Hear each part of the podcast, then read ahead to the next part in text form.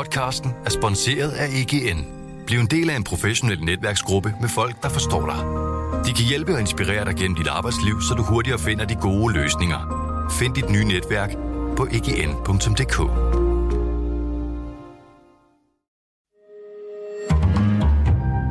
Berlingske. Martin, du rejser til VM i Katar i morgen. Glæder du dig? Altså jeg selv, jeg har tænkt over det i, altså, i månedsvis, øh, og selvfølgelig i ugevis også, helt op til den her udsendelse her. Og jeg, jeg kan faktisk ikke rigtig svare helt på det. Altså jeg kan ikke mærke noget boblende glæde ind i mig. Martin Borge er tidligere professionel fodboldspiller. I dag er han journalist på Berlingske. Jeg har lige siden VM 86 øh, elsket at se VM i fodbold. Jeg har selv spillet fodbold. Jeg har levet af at spille fodbold. Øh, jeg skriver om fodbold. Jeg snakker om fodbold. Og nu skal jeg til et VM for, for første gang for mit vedkommende. Og jeg burde boble af forventningens glæde og optimisme. Men jeg kan ikke rigtig mærke den. Så må vi se, hvad der sker, når, når bolden ruller. Martin er en af de tre journalister, Berlingske sender til Ørkenstaten for at dække den kontroversielle sportsbegivenhed. Hans opgave er at fokusere på det sportslige. Men er det overhovedet muligt at adskille det sportslige fra det politiske ved det her VM? Er det muligt for journalisten, for fodboldspilleren, for dig foran skærmen? Velkommen i Pilestræde.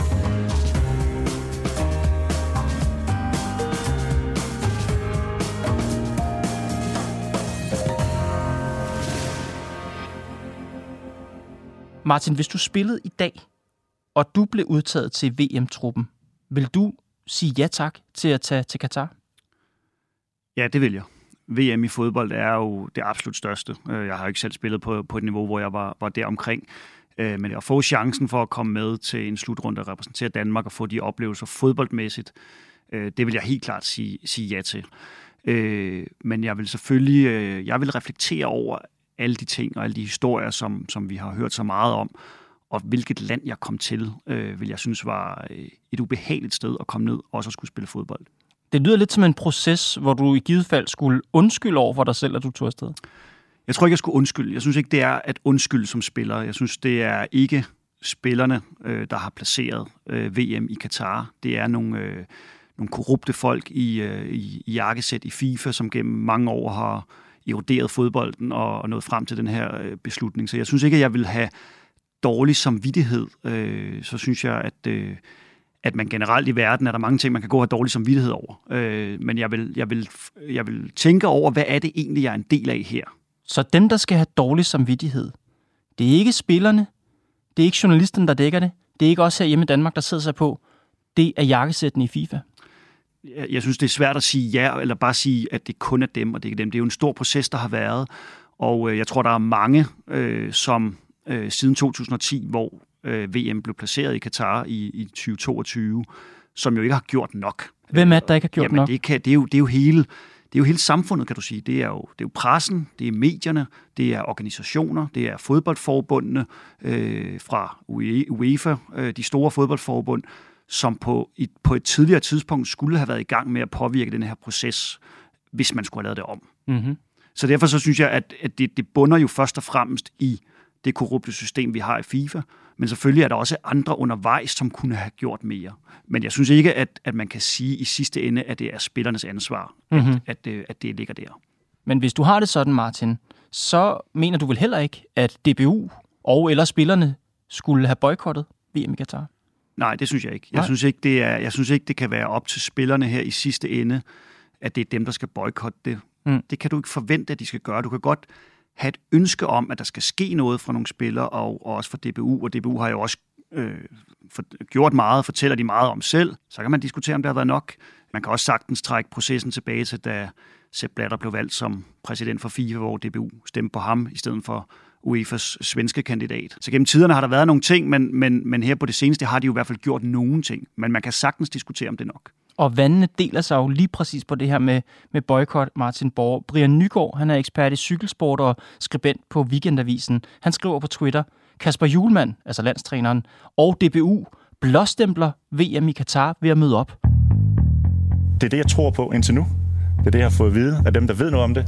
Jeg mener ikke, at hverken DBU eller jeg har kompetencer til at sidde med et verdenskort og sige, jamen Katar, de overholder ikke de menneskerettigheder. For øvrigt er der flere stater i USA, som har flere sager per indbygger, der overtræder menneskerettigheder, end der er i Katar. Og så slutter han, det her VM er en skamplet for sportshistorien. Hvad siger du til det? Jeg siger, at øh, den sidste del mener jeg egentlig ikke, der kan være så mange meninger om, at det er en skamplet på, på sportens historie. Jeg er ikke enig med ham i, at man blåstempler det ved at tage ned. Det synes jeg ikke, man gør. Jeg synes, at man blåstempler det, hvis der ingenting er omkring øh, snak omkring øh, forholdene i Katar, øh, selvfølgelig for, for migrantarbejdere øh, og deres øh, syn på homoseksualitet osv. Men det er jo heller ikke tilfældet. Altså, der er jo masser af snak om det. Ja, snak. Men altså bare lige for at blive hos Brian Nygaard her. Du er enig med mig i, at det her VM er en skamplet på sportshistorien. Bliver man ikke selv sværtet til? Bliver man ikke en del af den skamplet, hvis man deltager i det? Det synes jeg ikke, man gør. Øh, jeg synes, at, at når det er kommet så vidt, at det ligger her, hvor, hvor, det, hvor det gør, at det skal afvikles nu her i, øh, i november december her i 2022, så synes jeg ikke, at man som, som fodboldspiller eller fodboldforbund bliver sværtet til med det blod, der har, der har flyttet fra migrantarbejdere. Det synes jeg ikke, man gør. Men, og det er, vigtigt, det er vigtigt også for mig at få sagt det her, jeg synes godt, at man kan håbe, at spillerne og DBU gør mere, end de har gjort. Også gør noget, når de kommer ned. Det er også et håb, jeg har. Men jeg tror også, man skal bare forstå med, med, med, med fodboldspillerne, at, at de her processer, der har været, og et system som FIFA, og det med at placere et VM, det ligger meget, meget langt fra en fodboldspillers hverdag, og det, hvor man er. Mm-hmm. Man kan sagtens tage stilling til det, ligesom alle andre mennesker kan tage stilling til det, der er i deres omverden. Vi er jo viklet ind i alle mulige ting, som influerer på vores liv også herhjemme. Og det kan man godt håbe på, at nogle spillere vil gøre. Jeg synes bare ikke, man kan kræve det af dem. For nu at blive i det tænkte eksempel, hvor du stadig var aktiv fodboldspiller, og du var blevet udtaget til VM, og som du sagde, du ville have gør, gøre dine overvejelser, men du vil tage dig ned. Hvad vil du så gøre, når du var dernede? Vil du tage en særlig undertrøje på, eller vil du på en eller anden måde sige noget om støtte til menneskerettigheder, eller hvis du var anfører, vil du så spille med, med regnbueanførbind? Jeg nævner bare nogle af de eksempler, der har været i spil i forhold til, hvordan spillerne skal føre en, hvad skal man sige, aktivistisk fodboldtilværelse i Katar. Vil du gøre nogle af de ting? Jeg tror først og fremmest, at jeg vil, øh, jeg vil fortælle min holdning til, til medierne, når jeg blev spurgt til det. Fortælle ærligt, hvordan jeg havde det med at være dernede, hvad jeg synes om de forhold øh, og den, det, det grundlag, som VM er blevet placeret i Katar på. Øh, og så tror jeg det også, og det, det, er jo, det, er jo, det er jo lidt svært for mig at sige her, så mange år efter, øh, at jeg vil på en eller anden måde gerne manifestere det, men jeg tror også, at jeg vil snakke med min gruppe om det, altså spillerne. fordi det handler også lidt om, at man som spillergruppe også gerne vil stå sammen omkring de ting, man gør dernede. Hvis, hvis nu resten af spillertruppen vil føle, at man på en eller anden måde skabte noget ubalance, eller et eller andet, der ikke var til, til gavn for holdet i forhold til slutrunden dernede, så tror jeg, jeg vil overveje det. Øh, men jeg tror, jeg vil snart prøve at snakke med nogle, nogle spillere om, hvad kan man gøre? Hvad kan vi som spillere gøre her for at vise på en eller anden måde, at det her er vi imod? Vi skal komme til Katar, som der er lige nu, og vise, hvem vi er. Vi skal have fansene til at ytre sig. Vi skal have øh, os til at vise, hvem vi er og hvad vi tror på. Øh, det er faktisk den måde, vi måske mm. kan få folk, der er 3 milliarder mennesker, der følger et VM. Tænk en gang, at menneskerettigheder kan blive diskuteret rundt omkring i hele verden på grund af det her. Ved du, om de danske fodboldspillere, der er taget afsted til Katar, ved du, om de har talt sammen? Har de planlagt noget? Ved, ved du noget? Altså, jeg ved ikke, om de har planlagt noget, men altså, der, altså, Simon Kjær har jo snakket om at spille med et, et, et anførbind med, med regnbuefarver. Øh, og der er lidt noget, på det her tidspunkt, hvor vi snakker, er det stadig lidt uvist om, om man får lov til det, at det er fra FIFA. Øh, så har der været snak omkring, at Christian Eriksen har haft drøftelser med, med anfører fra andre lande. Øh, Harry Kane, som han spillede sammen med i Tottenham. Øh, hvorvidt det fører til noget, øh, har jeg ikke set endnu, at det vil gøre. Og jeg, jeg er ikke overbevist om, at der vil komme noget. Men jeg håber på, at der kommer et eller andet. Men for mig behøves det ikke at være et boykot, eller at man øh, lader være med at spille i x antal minutter under kampene, eller et eller andet så voldsomt. Jeg synes bare, at det vil være rart, ligesom Tyskland kom derned og havde en markering på deres fly, Diversity Wins. Øh, sådan nogle ting, synes jeg er fint, at man viser som spiller. Men FIFA har forbudt politiske budskaber til VM. Hvordan vil FIFA og Katar reagere på den her type protester, som du nævner, altså hvis Simon Kjær bliver på banen med et regnbuefarvet anførbind, eller hvis spillerne laver en eller anden protest, hvordan, vil, hvordan bliver reaktionerne, tror du? Altså det må vi jo se. De fodboldforbundene har jo ikke øh, videre stolte traditioner i forhold til, øh, til regnbuefarver. Vi så også under EM, hvor at, øh, at der blev taget regnbueflag fra danske fans i, i Baku, øh, uden at der blev skrevet ind for det, for det europæiske fodboldforbund. Øh, så, så jeg synes, det er svært at sige. Jeg tror ikke på, at Simon Kjær vil blive smidt ud af turneringen, eller Danmark vil blive smidt ud af turneringen. Jeg tror, vi snakker nogle bødestraffe, men DBU's linje lige nu er jo i hvert fald, at man øh, følger de krav, man får fra FIFA. Martin, du skal jo til Katar, ikke som fodboldspiller, men som journalist for Berlingske, og du skal især dække det sportslige. Kan det overhovedet lade sig gøre at adskille det sportslige fra det politiske i Katar? Ja, altså journalistisk kan det jo godt på, forstået på den måde, at vi, vi, øh, vi bedriver jo journalistik med artikler, øh, hvor vi jo i forskellige artikler både beskriver fodbolden, og i rigtig mange andre artikler også beskriver alt det udenom. Øh, vi har jo været dernede flere gange som, som, som medie og beskrive forholdene for migrantarbejdere, øh, beskrive hele det her land og alle de øh, meget, meget specielle love og, og syn på, på kvinder og homoseksuelle, øh, som, som de har. Så jeg synes godt, at man, at man journalistisk godt kan sige, at nu sidder jeg og skriver fodbold, jeg sidder og skriver på en stor optag til, til weekenden, som handler om landsholdet, det danske landshold, om hvordan de skal spille. Samtidig med, at vi har allerede nu en, en journalist dernede, som er i gang og ude på gaderne og prøver at finde de her såkaldte fans, der render rundt dernede, som vi ser videoer fra i øjeblikket.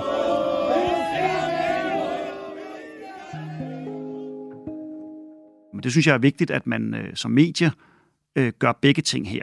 Øh, men jeg synes også, det er vigtigt, at vi dækker fodbolden. Hvorfor er det vigtigt? Det er fordi fodbold betyder utrolig meget for mange mennesker. Øh, det betyder mange, meget for mange mennesker i Danmark.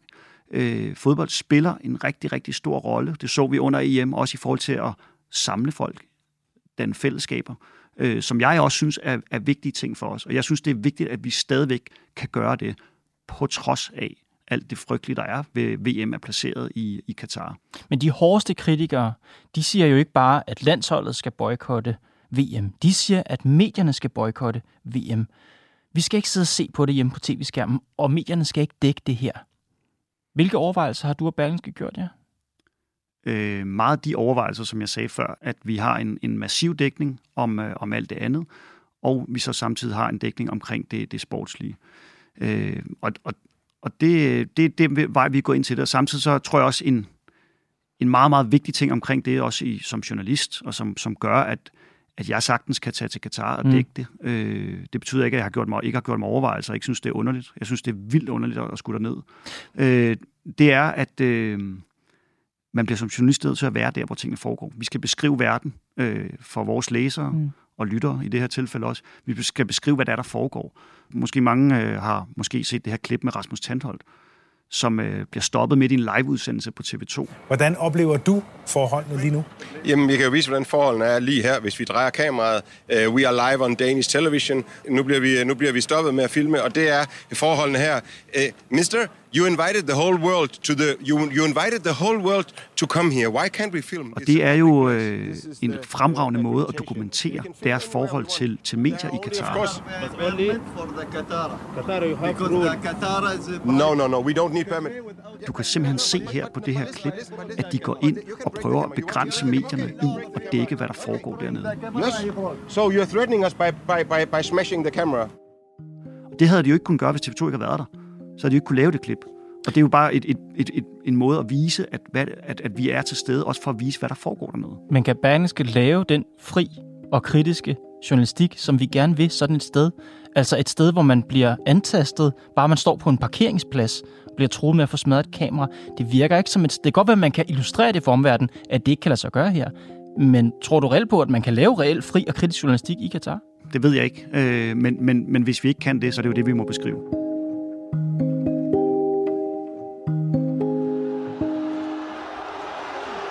Det er Brathwaite, og så er muligheden, der er Jens Løger Larsen. Den kommer der, Simon Kjær. Sidste sommer, der rasede fodboldfeberen herhjemme. Vi spillede jo helt fantastisk til det EM. Jeg var med frem, og så kommer Andreas Christensen igen. Ja! Selv folk, der ikke gik op i fodbold, var fuldstændig opslugt af den her begivenhed.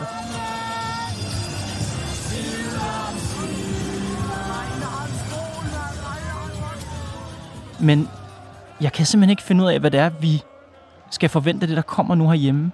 Altså, når jeg sætter mig ved tv-skærmen med benene op, og, og popcorn er klar, og øllen ved siden af, jeg går allerede nærmest og skammer mig lidt over det scenarie. Jeg kan se folk på, øh, på sociale medier også sådan, er, har overvejelser om, de overhovedet kan tillade sig at sætte sig ned og se det her.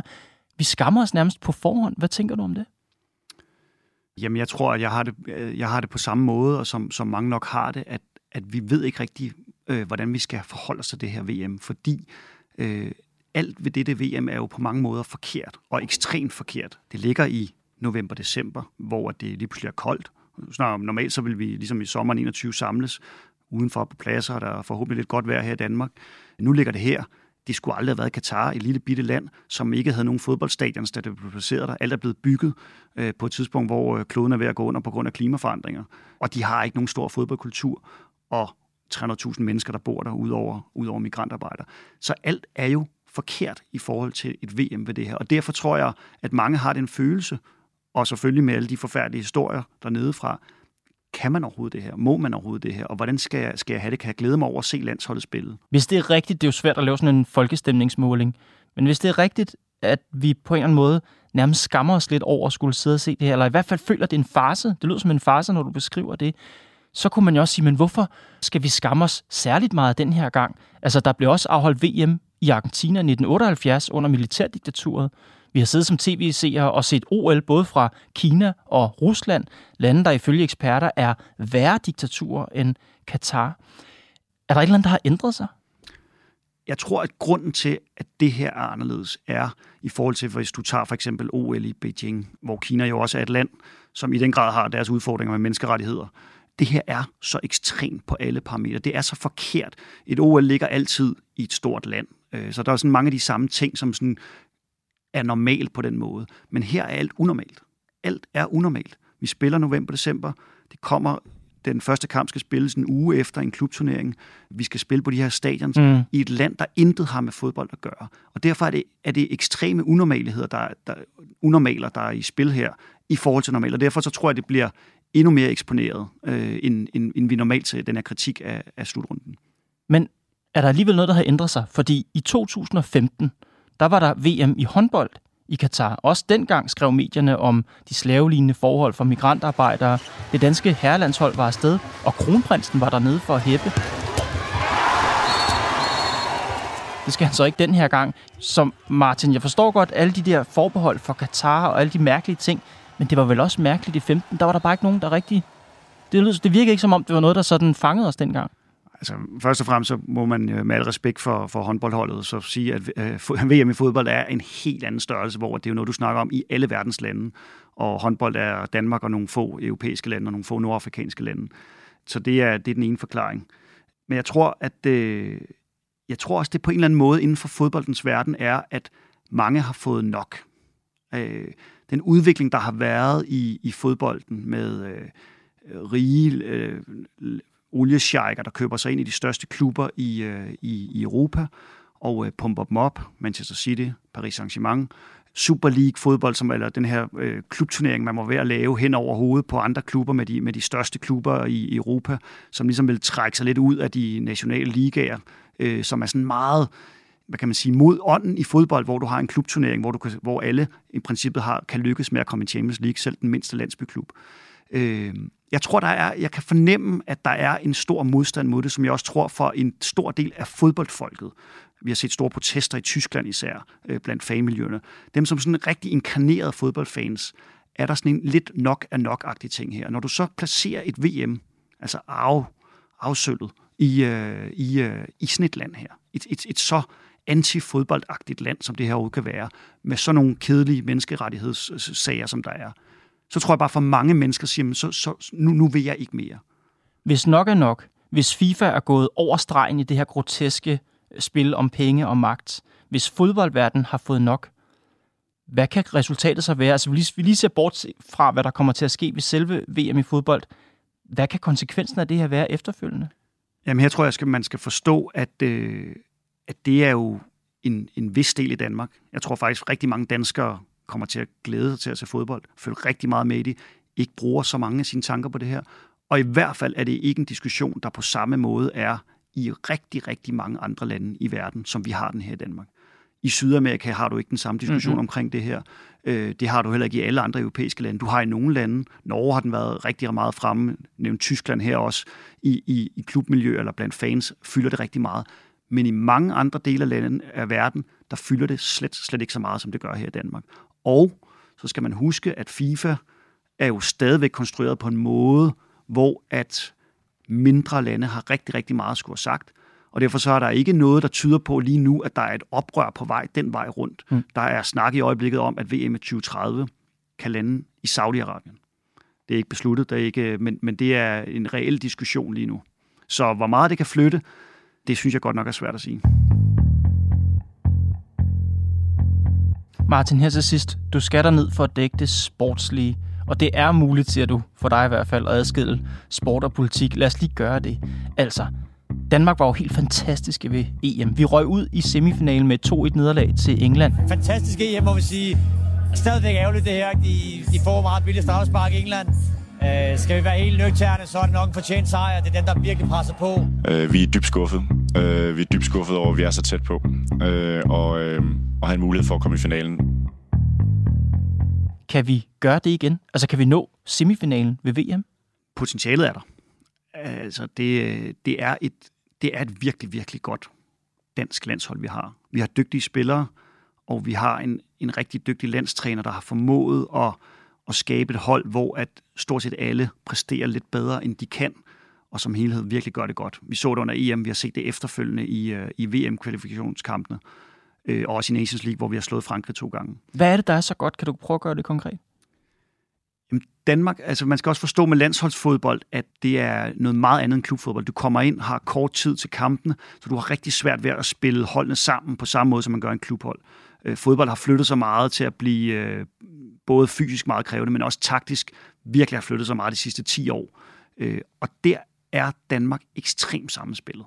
Øh, Julemand har fundet en måde, på forskellige måder, hvor han virkelig kan få spillerne til at udfylde nogle roller, som gør, at de samlet set løfter sig til at være lidt bedre, end de måske egentlig er. Vi har jo ikke spillere, som, øh, som Frankrig har, eller Brasilien har, eller Tyskland har, øh, når man kigger på dem bare rent. Men vi har mange gode spillere, vi har også nogle enkelte verdensklassespillere. Og den formel, han har fundet med ligesom at, at spille på den måde, som de gør, og med den tro på sig selv, og måske også lidt den samhørighed, som man fandt sammen med befolkningen under, øh, under EM sidste år, den har gjort, at Danmark kan præstere på et meget, meget højt niveau. Øh, spørgsmålet er så bare, når man skal møde de aller, allerbedste. Mm-hmm. Kan, man så, kan man så slå dem? Ved EM tabte vi puljespillet til Belgien, og vi tabte semifinalen mod England, selvom vi var, var okay med og spillede en god kamp. Men vi manglede lige det sidste mod de allerbedste. Så styrken er deres, øh, deres sammenhold i truppen og deres sammenspillethed. Svagheden er, groft sagt, deres personlige niveau i enkeltspillere. Ja, vi, vi, mangler, vi mangler en Kylian Mbappé eller to hvis man skal sige, sætte mm-hmm. det mhm. på spidsen. Vi mangler de absolut store stjerner, der kan afgøre det i et verdensmesterskab. Men ved EM, der manglede vi jo Christian Eriksen. Alligevel endte vi i semifinalen. Nu er han jo med igen. Kommer han ikke til at lige at kunne skubbe os helt op til semifinalen i VM? Ja, Christian Eriksen er jo en, en verdensklassespiller, og, øh, og, og, og det er, det er et, et, en, en styrkelse af det danske landshold øh, i forhold til EM. Det er, der, det er der ikke nogen tvivl om. Der har været en diskussion om, kunne ham og Damsgaard spille sammen, men, men det synes jeg, den er forstummet lidt. Øh, selvfølgelig er han en, en klar forstærkning, men vi er stadigvæk spiller for spiller et stykke fra de allerbedste nationer. Men i fodbold er det også sådan, at man på dagen nogle gange kan få det hele til at spille sammen og løfte sig som, øh, som, som et større hold. Og der har Danmark et så godt hold, at vi på dagen godt vil kunne slå Frankrig eller Argentina, som er de to hold, eller et af de to hold, vi nok skal kunne slå for at komme rigtig, rigtig langt. Hvis vi lige kigger på gruppen, vi starter i. Vi er i gruppen med Tunesien, Frankrig og Australien. Hvad er din vurdering af de tre andre hold? Altså, det er jo en kliché at sige i fodbold, at der ikke er nogen svære fodboldkampe. Øh, og det er, det er også rigtigt. Øh, at spille mod Tunesien og Australien er ikke en walk-over, og det bliver ikke let, og det bliver ikke bare lige en, en søndagstur. Men det er to hold, som Danmark skal kunne slå.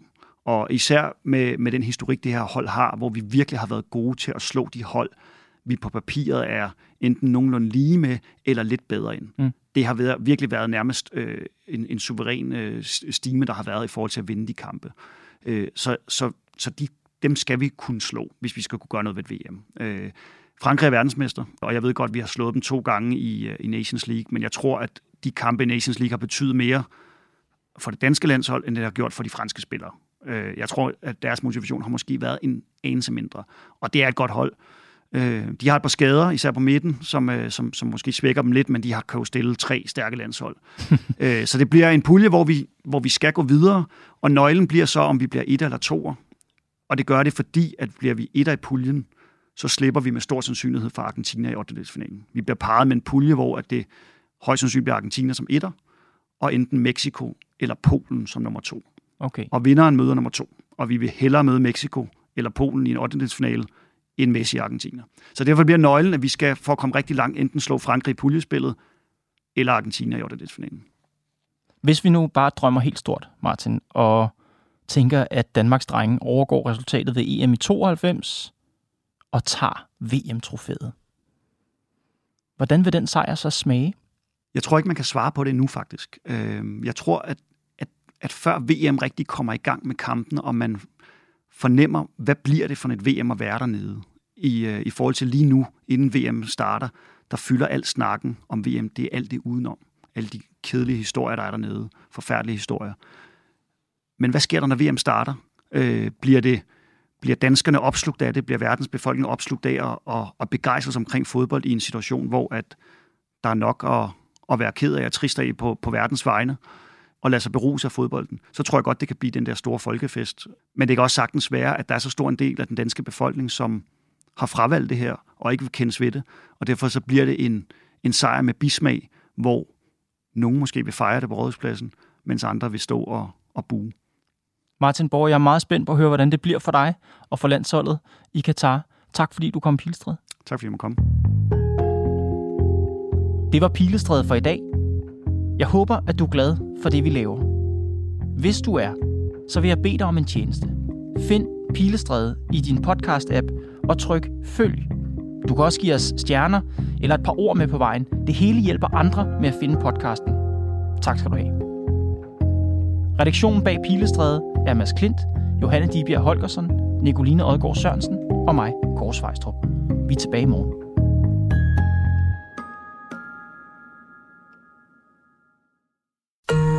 Podcasten er sponsoreret af EGN. Bliv en del af en professionel netværksgruppe med folk, der forstår dig. De kan hjælpe og inspirere dig gennem dit arbejdsliv, så du hurtigere finder de gode løsninger. Find dit nye netværk på egn.dk.